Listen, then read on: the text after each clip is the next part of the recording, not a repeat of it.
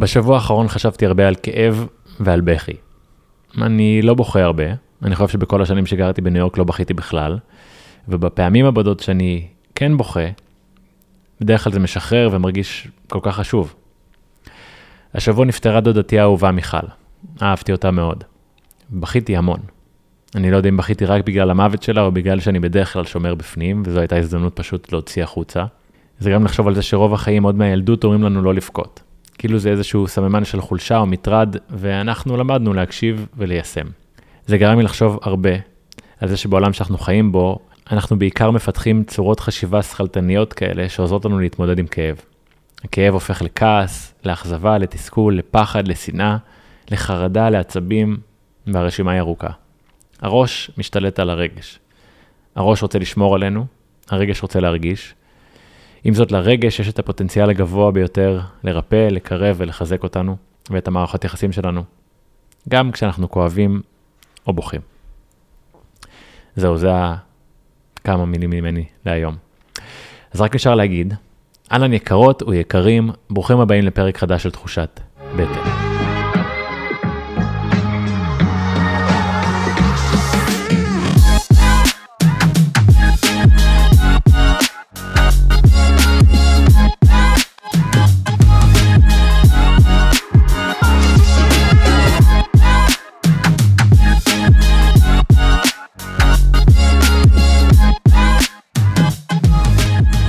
שבוע טוב יקרות ויקרים, מקווה שהפרק הזה מוצא אתכם עצובים או שמחים או מאושרים או בכלל לא, הכל מתאים כאן. אם אתם חדשים כאן, תחושת בטן היא תוכנית שמייצרת שיח אלטרנטיבי, אותנטי וללא אג'נדות, שבא לעשות קצת סדר בכל מה שקשור לבריאות שלנו, אם היא הפיזית או הרגשית. אני המנחה שלכם מתן חכימי, יוצר תוכן, מאמן ומחבר הספר חוקי בטן באנגלית God Rules.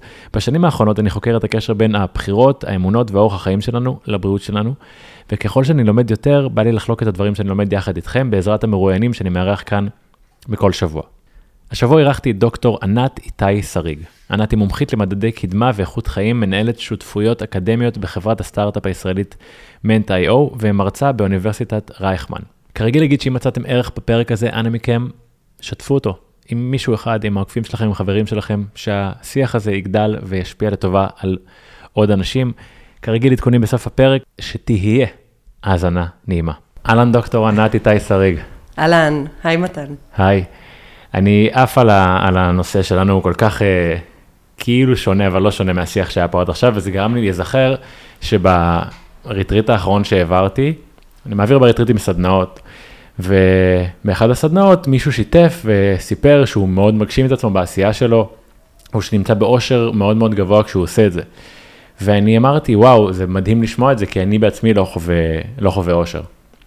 ואחרי הסדנה, אחד מה, אה, מהמדריכים אמר לי, אתה לא יודע איך כולם הסתכלו עליך כשאמרת שאתה לא חווה אושר, כאילו בפליאה, כי, כי מה שאתה עושה והעשייה שלך, אנשים מניחים שאני מאושר.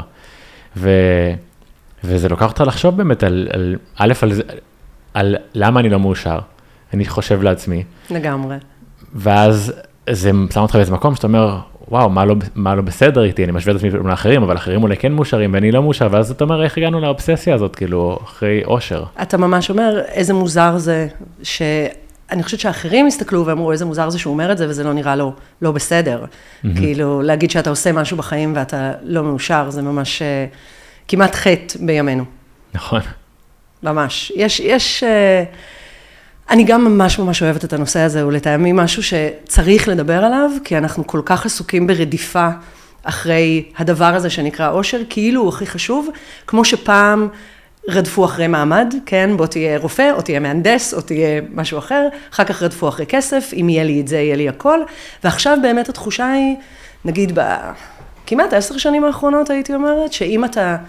אין לך את הדבר הזה שנקרא אושר, או אתה לא חותר אליו ממש אקטיבית ועושה את כל מה שאתה יכול, משהו אצלך ככה לא, לא בדיוק, זה לא בדיוק הגיוני, כאילו זה לא הדרך להתנהל בה.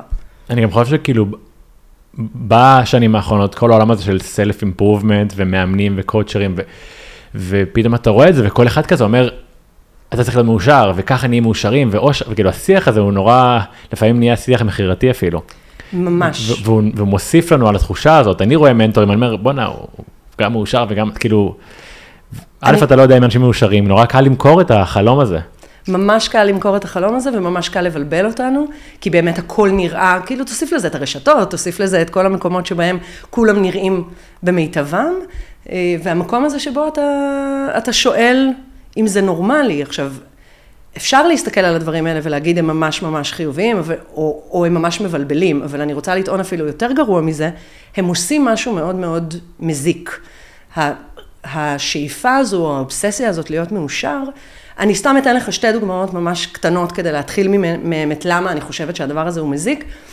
אחת, זה לא מעט אני שומעת, הרבה מסטודנטים, אבל גם הרבה מאנשים אחרים מסביבי, שנניח יש להם חבר או מישהו בחיים שהוא לא בן אדם מרוצה.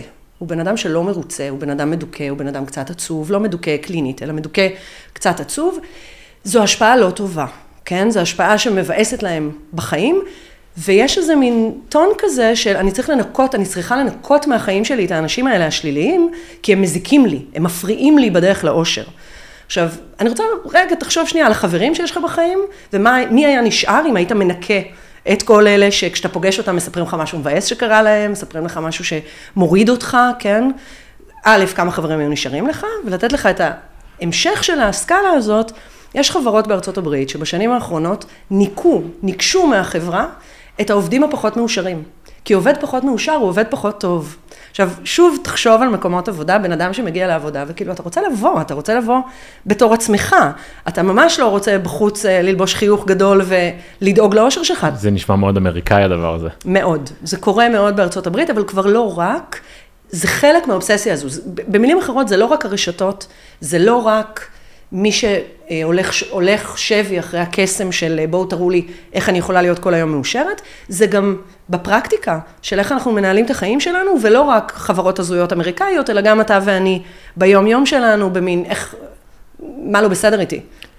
אני רוצה לנסות לאתגר את זה, כי אגב, העליתי אה, פוסט באינסטגרם לפני כמה ימים והיה רשום, אה, כתבתי, זה מדהים באיזה קלות אפשר לשפר את החיים, רק אם לוותר על כמה מאכלים, כמה הרגלים וכמה אנשים.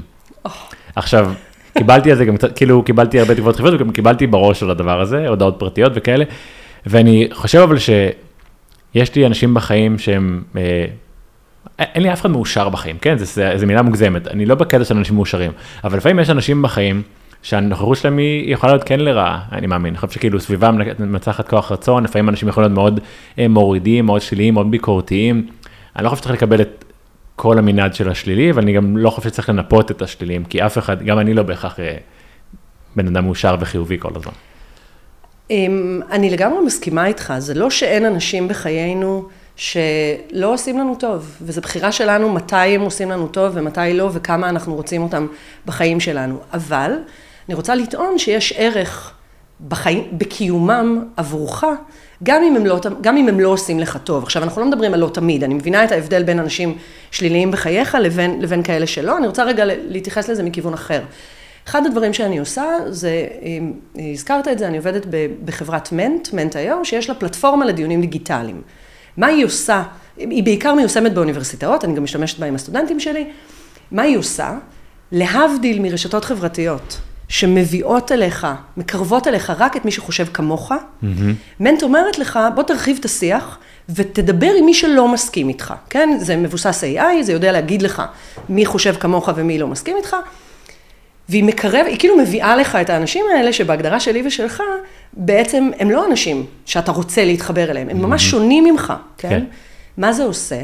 זה מעמיק את הידע, זה מעמיק את ההבנה, זה מעמיק את היכולת שלנו לנהל שיח שהוא שיח אנושי, שמקבל גם דברים שלא מקובלים עלינו. עכשיו, להגיד לך שתהפוך לחבר הכי טוב של מישהו כזה, כנראה שלא. זה גם יותר מאתגר ומפתח לנהל שיח שהוא לא באזור הנוחות שלך. בדיוק, ולכן אני אומרת, אני, אני לגמרי מסכימה, כאילו הדבר הזה צריך להיות very reasonable, כן? זה לא שאני באה להגיד, קחו את כל מה שהעולם זורק עליכם ותשאירו אותו ככה, אבל אני כן רוצה להגיד, האובססיה הזו למה שרק טוב לי, רק מאושר לי, רק מביא לי איזו מטרה שאני חושבת שהיא המטרה הנכונה, הוא מאוד מסוכן.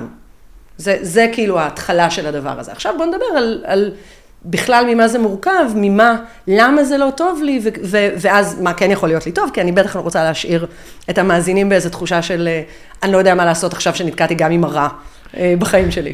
רגע, אז בואי שנייה נעשה אולי סדר, ואני לא יודע אם יש תשובה לשאלה הזאת, אבל מה זה אושר בכלל? האם יש כזה דבר? האם אם אני- בכלל אנחנו מכוונים למשהו שאנחנו יודעים שאנחנו מכוונים אליו? שאלה מעולה. אה, היא בעיקר שאלה מעולה, כי אני חושבת שרובנו לא יודעים למה אנחנו מכוונים. אני חושבת שרובנו חושבים על הדבר הזה באמת בתור איזה משהו אמורפי, שאמור להתרחש, ואם אני ארדוף אחריו מספיק טוב אז הוא יתרחש, כאילו משהו כזה, קצת קשת בענן. בעולם המחקר, אין היום דבר בחיינו שהוא לא מדיד. אין היום דבר בחיינו שלא לקחו אותו ואמרו, אוקיי, איך אני שם אותו על סקאלה, איך אני שואל את השאלה המדויקת כדי לדעת אם אני מאושר. אז בואו נעשה, בואו נסתכל שנייה על איך מודדים. נזכרתי גם שיש את מדד, מדד העושר העולמי, שזה גם סוג של דבר מצחיק. אני כי מסכימה. למה להוסיף עוד מדד שיגרום לך להרגיש, ישראלים הכי מאושרים, אבל אני לא מאושר, אז למה אתה עושה לי, כאילו מה, ממש. מה אתה בא להגיד לי, לפי איך מדדת את זה בכלל? אבל אתה יודע למה מודדים את מדד העושר העולמי? כי פתאום, וזה דווקא אני אטען, אפשר לטעון למה כן ולמה לא, פתאום מדינות הצטרפה להם אחריות חדשה. הן לא רק אחראיות לייצר יותר כסף, לתת לך בריאות ורווחה, הן גם קצת אחראיות לאושר שלך. ויותר מזה, הטענה היא שאושר הוא איזושהי אה, אינדיקציה, הוא כאילו מדד טוב, שאם אתה מאושר, סימן שיש לך את כל השאר. בכלל לא בטוח שזה נכון, אבל כאילו, ואפשר לדבר, כש, כש, אחרי שנדבר על מה זה אושר, אני גם אשמח להגיד למה ישראלים, למה מצבנו טוב במדד האושר העולמי. אוקיי. Okay. כן? כי אתה לא הישראלי היחיד שאומר, שנייה, אבל לא. כאילו, איך הגענו ל, ל, למקום גבוה במדד האושר העולמי?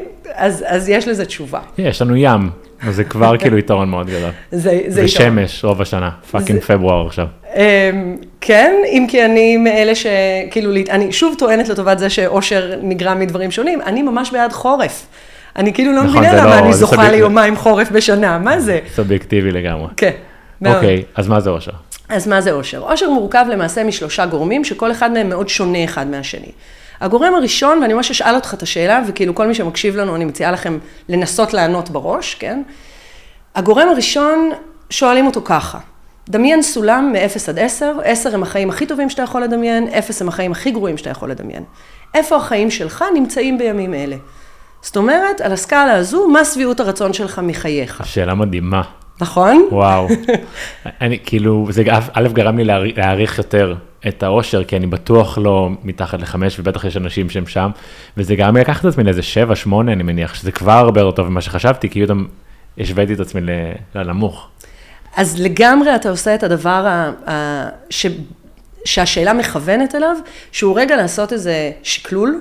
שנייה, תנו לי לחשוב מה מצבי על כל מיני דברים, כן? איך אני ב, ואני כבר אמשיג לך את זה, שאיך אני בבריאות, ואיך אני ביחסים חברתיים, ואיך אני בעבודה, ואיך אני בכל מיני דברים.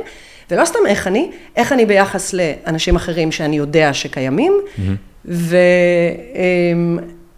וגם איך אני, כאילו יש פה עוד כל מיני גורמים של השוואה שהמוח שלך עובד עליהם, גם איך אני ביחס לאיפה שחשבתי שאני אהיה, איפה אני ביחס למה שהייתי פעם, איפה אני ביחס למה שאני מתכנן להיות, כאילו יש פה כל מיני שקלולים כאלה, ולכן המדד הזה הוא מאוד, אה, הוא נקרא שביעות רצון מהחיים, והוא באמת מחפש את המשהו הכללי, אוקיי? זה רכיב אחד. הרכיב השני, השאלה היא כזו, מ-0 עד 10, עד כמה דאגת אתמול? אתמול ממש דאגתי במקרה, כי התחלתי את הקורס הזה שסיפרתי לך עליו, והייתי ממש ב... ב לא יודע אם הייתי בלחץ.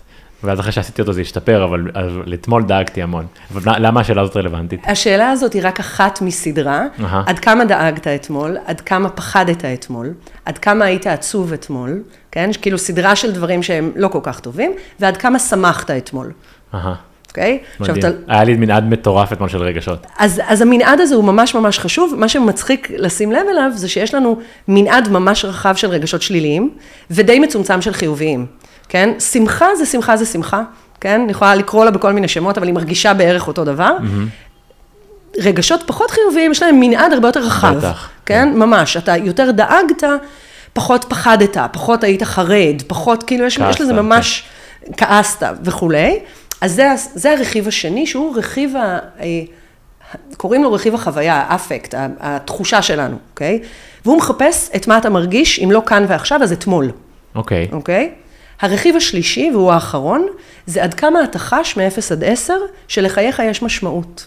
Hmm, עכשיו, שואלים אותו גם בעוד גרסה, עד כמה אתה חש שיש לך שליטה בחייך, אוקיי, אוקיי?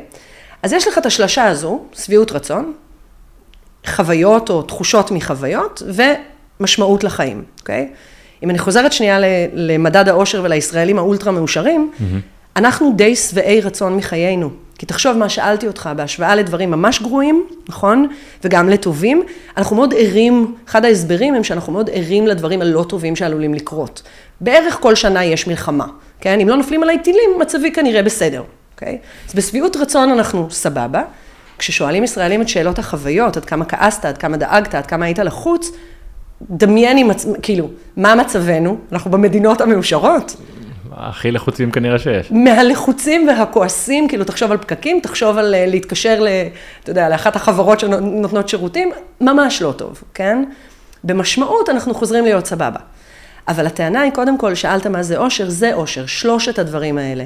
זאת אומרת, אם יש לי את שלושתם, אם אני מצליחה לחלץ איזושהי חוויית קיום, שיש בה גם תחושה כללית כזו של שביעות רצון, וגם חוויות שהן חוויות יותר על הצד הטוב מאשר על הצד הפחות טוב, וגם תחושת משמעות למה שאני עושה, וואלה, הסתדרתי.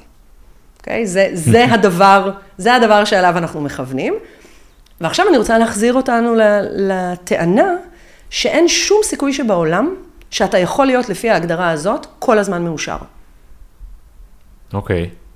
כאילו, בוא, בוא נחשוב שנייה על, ה, על, ה, על, על מה זה אומר, איך אדם יכול כל הזמן, כאילו בוא נתחיל מהסוף, נתחיל מהעובדה שזה מצב דינמי, כן?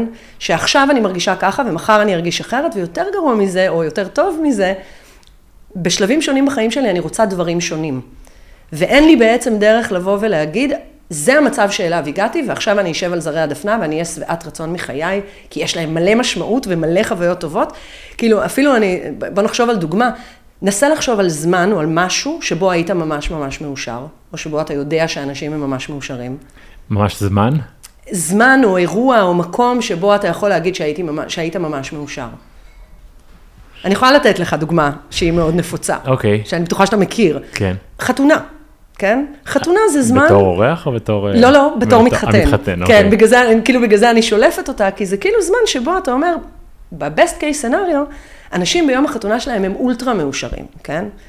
למחרת, יש להם, עכשיו הם אולטרה מאושרים מכל הסיבות שדיברנו עליהן, כן? הם שבעי כן. רצון שזה מצליח, שזה קורה. אבל היו גם רגשות שליליים ולחץ ו... לא, היו רגשות היו. שליליים, אבל אני רגע בתוך אירוע החתונה. אוקיי. בתוך אירוע החתונה אני גם שבעת רצון, כי הגיעו מי שרציתי שיגיעו, כולם שמחים בשמחתי, יש לי איזה נחת כללית כזו, כן? גם החוויה עצמה היא חוויה מלאה בשמחה ואהבה ודברים טובים, שוב, ה-best case scenario, וגם יש לה מלא משמעות, אני מתחתנת עם בחיר ליבי, איזה כיף לי, איזה יופי לי, נכון? עשינו צ'ק על אושר. מה קורה למחרת? יש לי מערכת יחסים, כן? יש לי חיים אה, נשואים לתחזק, נכון? כל הזמן אני ארגיש את הדבר הזה? אין סיכוי. אין סיכוי. אין סיכוי בשום מקום, כן? אז כאילו זה כבר סיבה ראשונה מאוד פרקטית, לזה שהדבר הזה הוא לא מטרה ראויה לשאוף אליה, כן? משם אני רוצה להמשיך לזה שגם לא כדאי, כן? כאילו לא כדאי, אני חוזרת שנייה לאנשים השליליים, בסדר? Okay. כאילו אוקיי. זה, זה, לאנשים השליליים בחיינו. יושבת מולי חברה, או יושב קרוב משפחה, כן? זה קורה מלא עם משפחה, כי משפחה אנחנו לא בוחרים. יש לנו תמיד את, ה, את הגורמים במשפחה, שמה לעשות, הם לא, הם לא הם, הם, מדגמנים מבסוטיות. הם לא כל הזמן באושר. להפך, הם רוצים כאילו להגיד לך מה הם צריכים, מה, מה רע, מה לא יסתדר, מה כאלה. ומה אתה עושה איתם? בעצם, אם אתה רודף אחרי האושר, כל מה שאתה עושה איתם זה להגיד להם, אבל למה אתה חושב שלילי? אבל למה לא לחשוב יותר חיובי? למה לא לקחת את זה למקום טוב? תראה כמה למדת מזה, כן? כל, כל הדבר הזה שהוא באמת, אני ממש אומרת את זה, אה, כי זו תגובה כאילו מתבקשת מצד אנשים שרוצים להביא את החיובי לחיים שלהם, גם אני חוטאת בה לא אחת, כן? אבל יש עוד תגובה, שהיא התגובה של, בוא נדבר על זה, למה זה כזה גרוע? כאילו בוא נסתכל על הדבר הזה השלילי, בלי לנסות לעבור את ההר ולייצר אותו בתור משהו חיובי. להיות עם השליליות. ממש להיות עם השליליות. כי היא באמת, קודם כל היא, היא החוויה האנושית. אם לא היינו רוצים שתהיה שליליות בחוויה האנושית, לוקחים גלולה כחולה קטנה וסוגרים עניין, כן? כאילו אנחנו מתייחסים לזה בתור משהו שיש לו חשיבות. ודווקא בחיים האישיים שלנו אנחנו כל הזמן מנפנפים. לא טוב לי פה, בוא נסדר שזה יהיה טוב. לא טוב לי עם הבן אדם הזה, בוא, בוא נפסיק להקשיב לו. כאילו ההפך ממה שפותח ומאפשר ונותן לחוויית הקיום להתרחש. כן. אתה רוצה, ל... כן, אני, אני מוצא את עצמי עכשיו בתקופה שאני אומר, אני שם לב שאני כאילו לפעמים בורח מה, מהכאב או מהעצבות, וכאילו אני מנסה ללמד את עצמי טיפה להיות עם הדבר הזה ולקבל אותו, כי, כי נורא קל באמת לנסות אה, לטאטא אותו מתחת לשטיח. נורא קל לנסות לטאטא אותו מתחת לשטיח, גם מאוד מאוד קל אה, להתבלבל שזאת חזות הכל, כן? ש, שזו שוב מחזיר אותי לנושא שלנו, של למה לא לרדוף אחרי האושר. זה לא הדבר היחיד שאתה רוצה שיהיה לך בחיים. אתה לא רוצה רק להיות מאושר. דיברנו קודם בשיחה שלנו על ההבדל בין אושר, שהוא מרכיב, גם אם הוא מורכב משלושה דברים, הוא מרכיב בתוך הדבר הגדול יותר שנקרא איכות חיים. ואיכות החיים שלי מורכבת מהמון דברים, מהבריאות שלי, מהביטחון האישי שלי, מהמצב החומרי שלי, מהסביבה שלי, כן? רגע, אז בוא נתעכב על זה. את אומרת שהדברים האלה הם חלק מהדברים שמייצרים אושר? אני אומרת שאושר הוא מרכיב אחד בתוך הדברים שהם החיים שלי. Okay. ואני אוקיי. אפילו אגיד, הם איכות החיים שלי. אם אני מצליחה לייצר משהו שהוא מתאים לי, שהוא נכון בכל אחד מהמרכיבים האלה, גם אם אני לא מאוד מאושרת, כבר עשיתי משהו מאוד מאוד גדול. Mm-hmm. כן? אם הצלחתי ללמוד, נגיד, אם הצלחתי שיהיה לי, יש uh, תחום בתוך איכות חיים שנקרא חינוך, והוא לא תקף רק לבית ספר או לאוניברסיטה, הוא תקף לזה שאתה רוצה להיות בחוויה של למידה ושל יצירה, כן? לא בהכרח, אתה יודע, יוצרים לא תמיד מאושרים כשהם יוצרים. זה לא, זה לא, זה כאילו משהו שאתה יכול לרצות להגיע אליו, אתה יכול לרצות לכוון אליו, אבל אם כל הזמן תתרכז רק בלהיות מאושר, סביר שלא תיצור. ליצור זה נורא כואב, mm-hmm. כן? אתה עובר חבלי לידה מאוד גדולים. אז אחד, אני רוצה להגיד, החוויה האנושית היא הרבה יותר עגולה.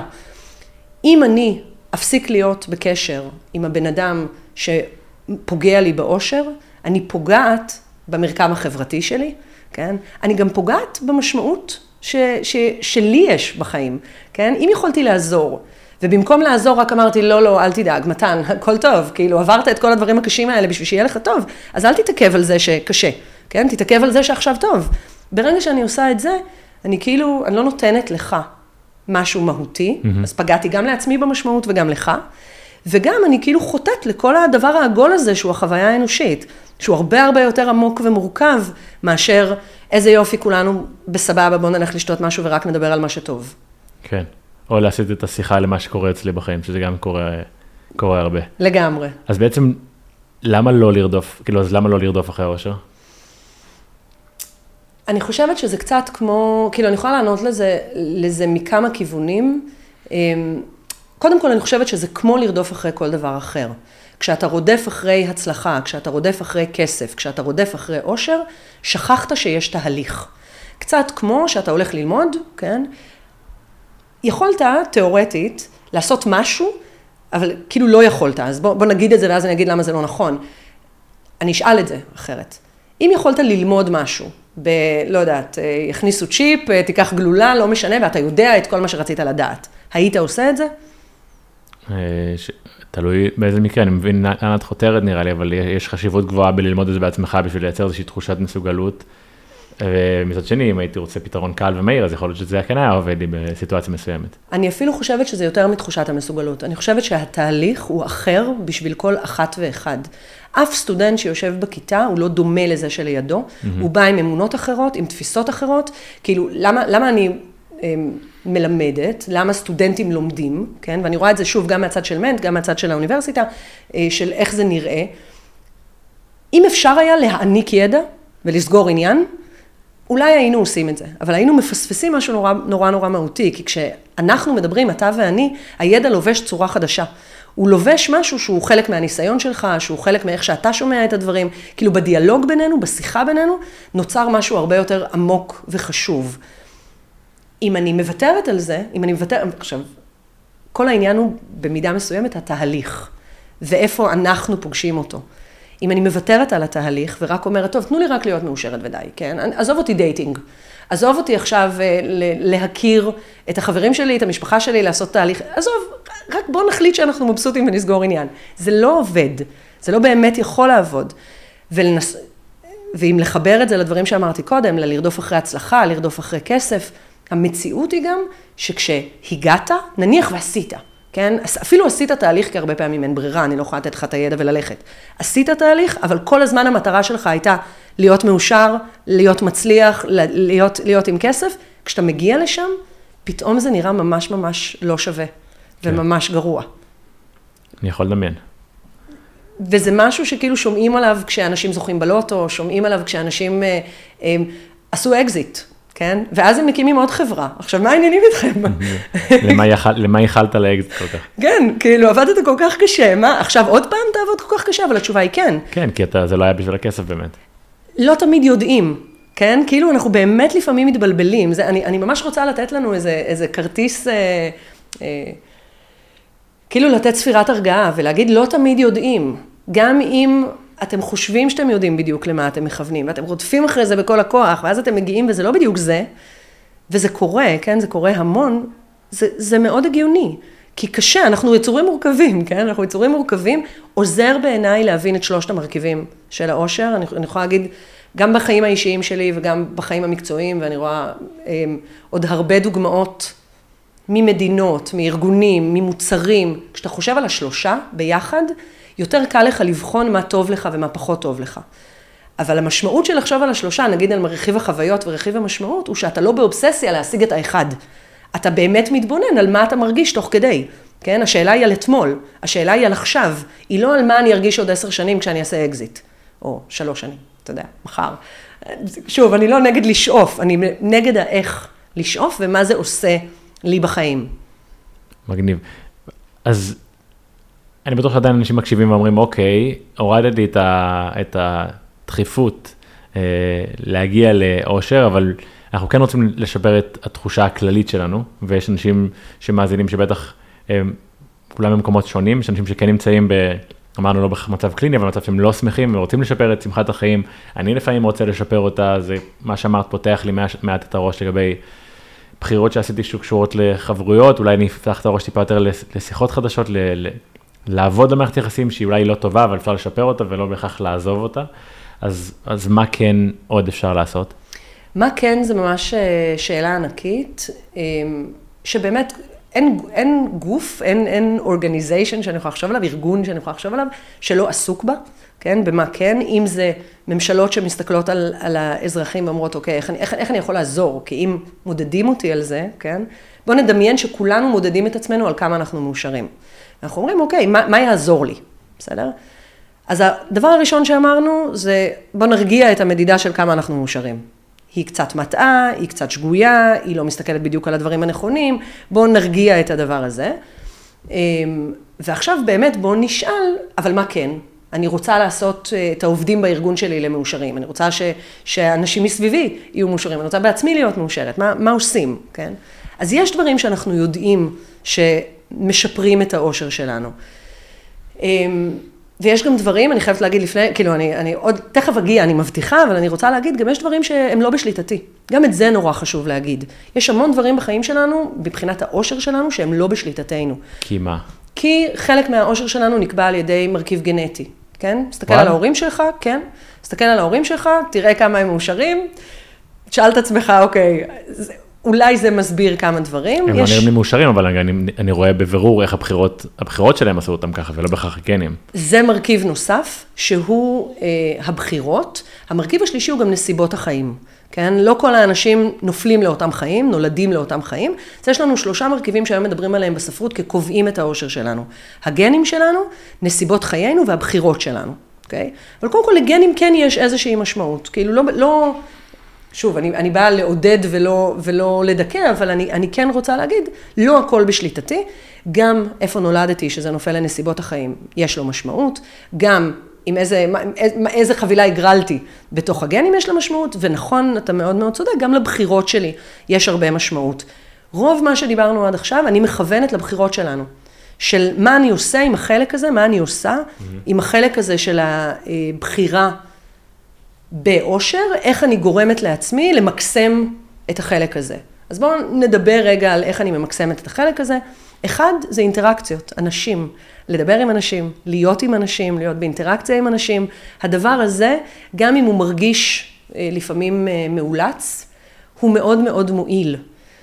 אף אחד גם לא מכתיב לך, אין איזה מתכון, מה אתה אמור לעשות עם האנשים האלה. אתה יכול סתם לצאת איתם להליכה, אתה יכול לנהל שיחת נפש, כאילו, את יכולה לנהל שיחת נפש, את, כאילו, אפשר לעשות המון המון דברים.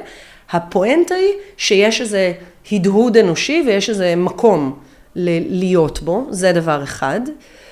אמ, דבר שני שהוא מאוד uh, פרקטי, עבודה, זה דבר שעוזר, כן? עכשיו, אני מאוד מודעת לעובדה שכולנו חושבים על עבודה בתור איזה כורח, כן? של צריך לעשות אותו כי, וברי המזל או ברות המזל חושבים על עבודה אה, בתור משהו שהוא גם יש בו, שהוא, שהוא לא כזה, אבל המציאות היא שגם מי שהולך לעבודה לא תמיד מבסוט, מרוויח ממנה משהו. הוא מרוויח ממנה באגף המשמעות, היא מרוויחה ממנה באגף השביעות רצון הכללית, איפה אני נמצאת. הדברים האלה גם יש להם הרבה משמעות לחיים שלנו. ענקית, אתה, רוב, רוב החיים שלך אתה עובד. נכון, רוב החיים שלך אתה עובד, ולכן זה ממש ממש חשוב. זה גם ממש חשוב, וגם אמ, יש בזה הזדמנות מאוד גדולה. הזדמנות מאוד גדולה ל- לעשות דברים שייתנו לך משמעות, שתרגיש שבהם אתה, אתה עושה משהו אה, שמביא אותך. כאילו, יש פה כל מיני מקומות שבהם אתה יכול למקסם את האושר שלך. אה, יש עוד כל מיני דברים חיצוניים לנו, כמו אה, באיזה סביבה אנחנו נמצאים פיזית. סביבה ירוקה או סביבה טבעית, היא לא חייבת להיות ירוקה, גם מדבר עובד, סביבה טבעית מגבירה את האושר שלנו. כן? כאילו יש כל מיני דברים, גם ירקות, לא נעים לי להגיד, אבל ירקות ובריאות ובר, ופירות, ילדים וילדות, מאוד חשובים לאושר שלנו, ממש יש מחקרים שמראים איך... לא, לא רוצה להתחבר לזה, אבל בסדר, זורם איתך. אני מתנצלת, זה עניין, ענייני התזונה זה הרבה יותר uh, up your alley. לא, כי במקרה, בגלל הקורס שאני מעביר, יצא לי להתעסק, אני מתעסק הרבה בתזונה, ואני מגלה יותר ויותר שאין דבר שנכון לכולם, ובדיוק אתמול ישבתי עם איזה בן אדם, שבשבילו ספציפית ירקות הורסים, הורסים לו את ה... אז כאילו גם צריך, צריך להיזהר עם ה... אולי, אולי לא, לא לכולם זה מדויק ירק, אבל סבבה. אני חולה על פירות וזה עושה שמח, זה בטוח, כאילו. זה עושה, זה עושה תחושה, אמ, זה עושה תחושה טובה יותר, ואתה לגמרי צודק שזה לא, אה, אמ, שזה לא מתכון אחד לכולם. כן, כן, זה, ברור. זה לא, לגמרי, לגמרי לא נכון. לא נתעכב על תזונה.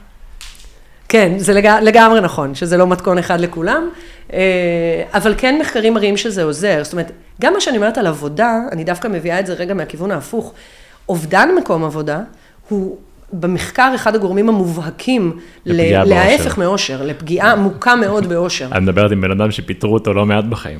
אז, אז אתה יודע, you should know, שלא רק כשאתה, כשאתה גם, מפוטר. גמר אותי, שובר את הערך העצמי, כאילו רמת הערך העצמי, אתה מרגיש שאין לך שום משמעות, לאן תלך, מה תעשה, זה מאוד קשה. ויותר גרוע מזה, לא רק לך, גם לסביבתך. כאילו בדרך כלל זה בני בנות זוג של אנשים שמפוטרים, שגם הם, זה משפיע על האושר שלהם. ומה שנורא מבאס זה שזה גם לאורך זמן, זה כאילו צריך, לוקח יותר זמן לצאת מזה, מכל מיני דברים אחרים שקורים בחיינו והם לא טובים. דרך אגב, זה גם הבשורה הטובה, by the way, שמרוב, מכל הדברים הממש גרועים שיכולים לקרות לנו בחיים, ממש אפשר לראות איך עקומת העושר מתאוששת. בדרך כלל זה פרק זמן של שנה, יכול להיות גם קצת יותר, אנחנו מתאוששים מזה וחוזרים לאיזה רמת עושר שהייתה המקורית שלנו, אפרופו גנים, אפרופו נסיבות חיים, אפרופו האישיות שלנו, שזה רמה שהיא כאילו רמה די קבועה, אז אנחנו נוטים להתאושש, אבל זה גם אומר שאם אני ממש ממש שמחה ומבסוטה, בסוף אני אחזור לאיזושהי רמה שהיא רמה די, די קבועה. כן. כן? הדבר האחרון שרציתי להגיד, רק על מה עוזר לקדם את האושר שלנו, הוא קשור ב... אה, מקום, מקום לאיך אני מרגיש ומרגישה. והעובדה שהדבר הזה הוא מאוד מאוד סובייקטיבי. ההוא שירקות לא עושים לו טוב, באמת ירקות לא עושים לו טוב. ואין מה לבוא ולהגיד לו, תקשיב, מחקרים מראים שירקות, כשחוקרים ובודקים את שביעות רצון, הרצון שלך מהחיים יום אחרי, מצבך משתפר. זה לא, מצבו לא משתפר, כן? כן? כאילו גם זה חשוב להגיד. אני יכול להבין איך לקחו חבורה של אנשים אמריקאים שאוכלים דונלדס כל היום, ואז גילו שהירקות עושים להם טוב, אז אני יכול להבין את ה... אבל זה איך, איך שאתה בוחר לחקור את הנושא. זה, זה לא רק שהמחקרים הם...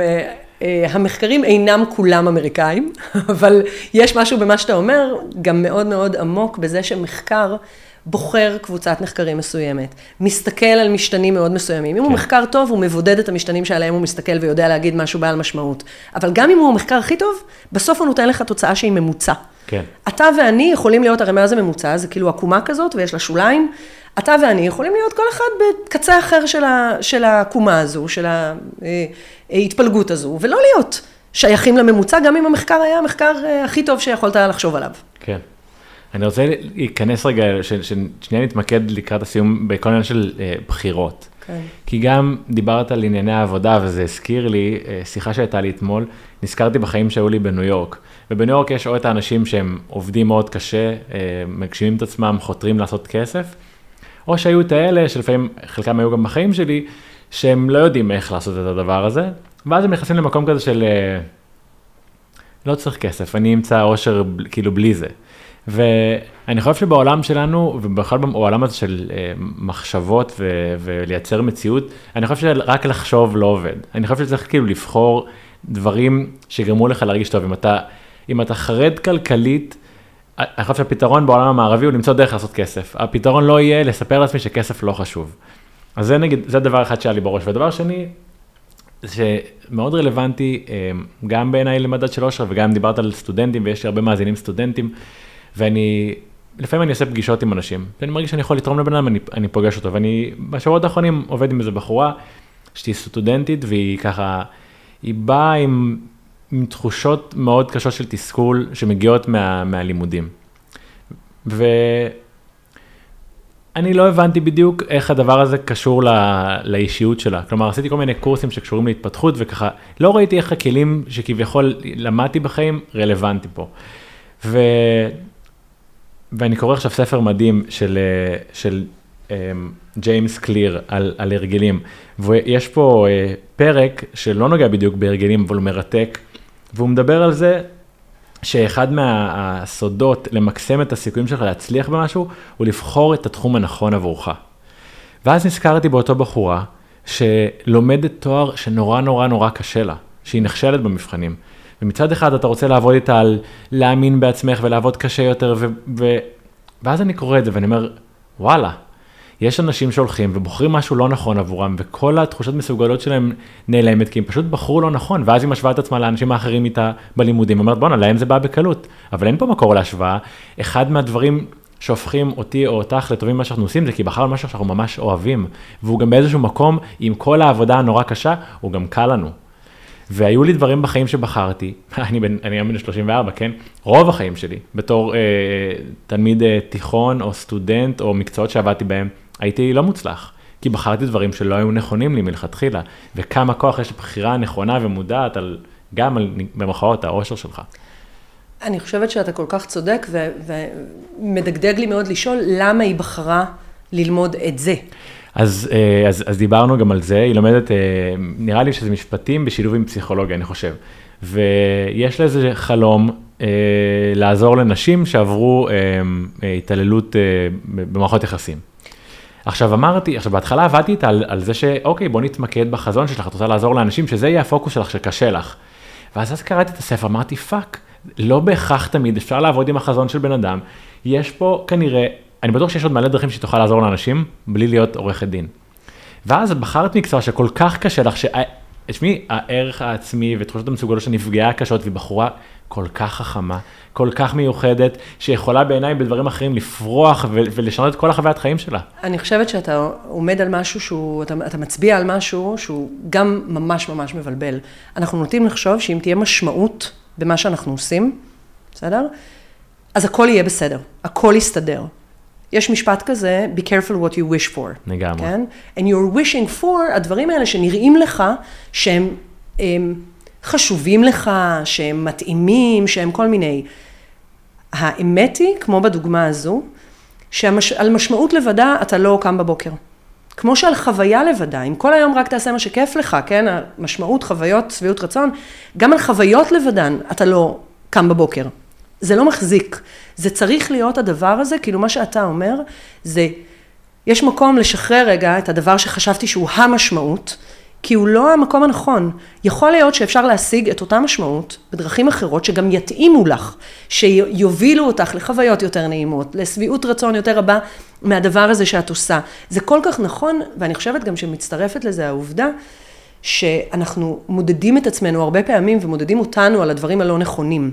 חוויה של סטודנטית, זו אחת הסיבות שמנט, שהפלטפורמה דיונים הזו מאוד מצליחה, כי היא מאפשרת למדוד על סמך איך אתה מתנהל בדיון, ולא על מה עשית במבחן, איך, המחש... איך המרצה חשב, או איך המרצה חשבה שהשתתפת בשיעור, כאילו יש פה רכיבים אחרים להתבונן עליהם.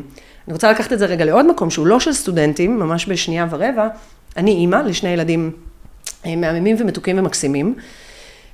אם אתה שואל אותי בגדול כל מיני שאלות של אושר ושביעות רצון עליהם, אני אגיד לך, ברור, כאילו, מ-0 עד 10 אני אוהבת אותם טריליארד, mm-hmm. ואני שבעת רצון מהם טריליארד, ואני, החוויה מהם, שנייה, בוא נחשוב עליה, והמשמעות מהם היא טריליארד, כי אין דבר כזה להיות האימא הכי טובה, כי בהשוואה למי? קצת כמו שאתה אומר, על, ה, על ה, להתבונן על האמריקאים, שאו שאני עושה מלא כסף, או שאני מוותר על כסף.